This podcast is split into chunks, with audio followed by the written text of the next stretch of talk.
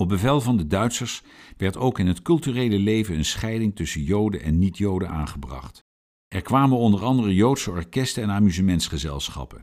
De destijds beroemde revueartiest Heintje Davids trad op in de Joodse Schouwburg, voorheen de Hollandse Schouwburg, aan de plantage Middelaan 24.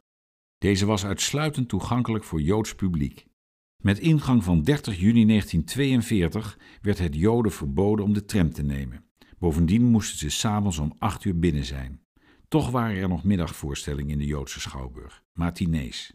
Heintje was dus genoodzaakt iedere dag te voet van en naar het theater te gaan. Maar alles went, vertelde Heintje later.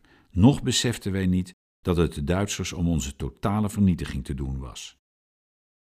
Op een dag in juli 1942 kwam de hoge Duitse functionaris F.H. Aus der Funten persoonlijk een einde maken aan de voorstellingen in de Joodse Schouwburg.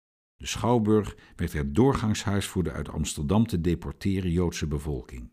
Tegenwoordig is de Hollandse Schouwburg een gedenkplaats met een expositie over het verleden van deze plek.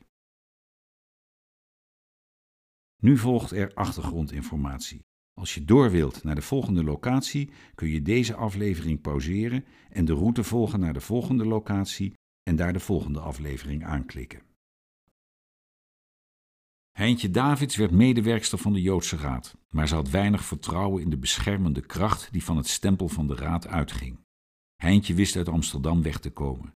Ze verbleef op een aantal tijdelijke onderduikadressen, boerderijen. Ten slotte kreeg ze een vaste schuilplaats aangeboden in het Pathologisch Instituut van de Universiteit van Utrecht.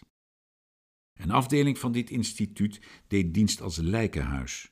Als er gevaar dreigde, vertelde Heintje in haar boek Mijn levenslied 1948, zouden mijn man en ik voor lijk doorgaan en met een label aan onze teen tussen de andere stoffelijke resten gaan liggen.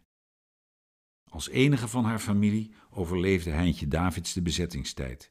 Ze woonde opnieuw in de rivierenbuurt, nu in de Deltastraat, vlak achter de wolkenkrabber. Het leven in de buurt vond Heintje heerlijk, vooral zomers. Het is net een dorp, maar niet zo bekrompen. Iedereen kent iedereen en iedereen kent Heintje.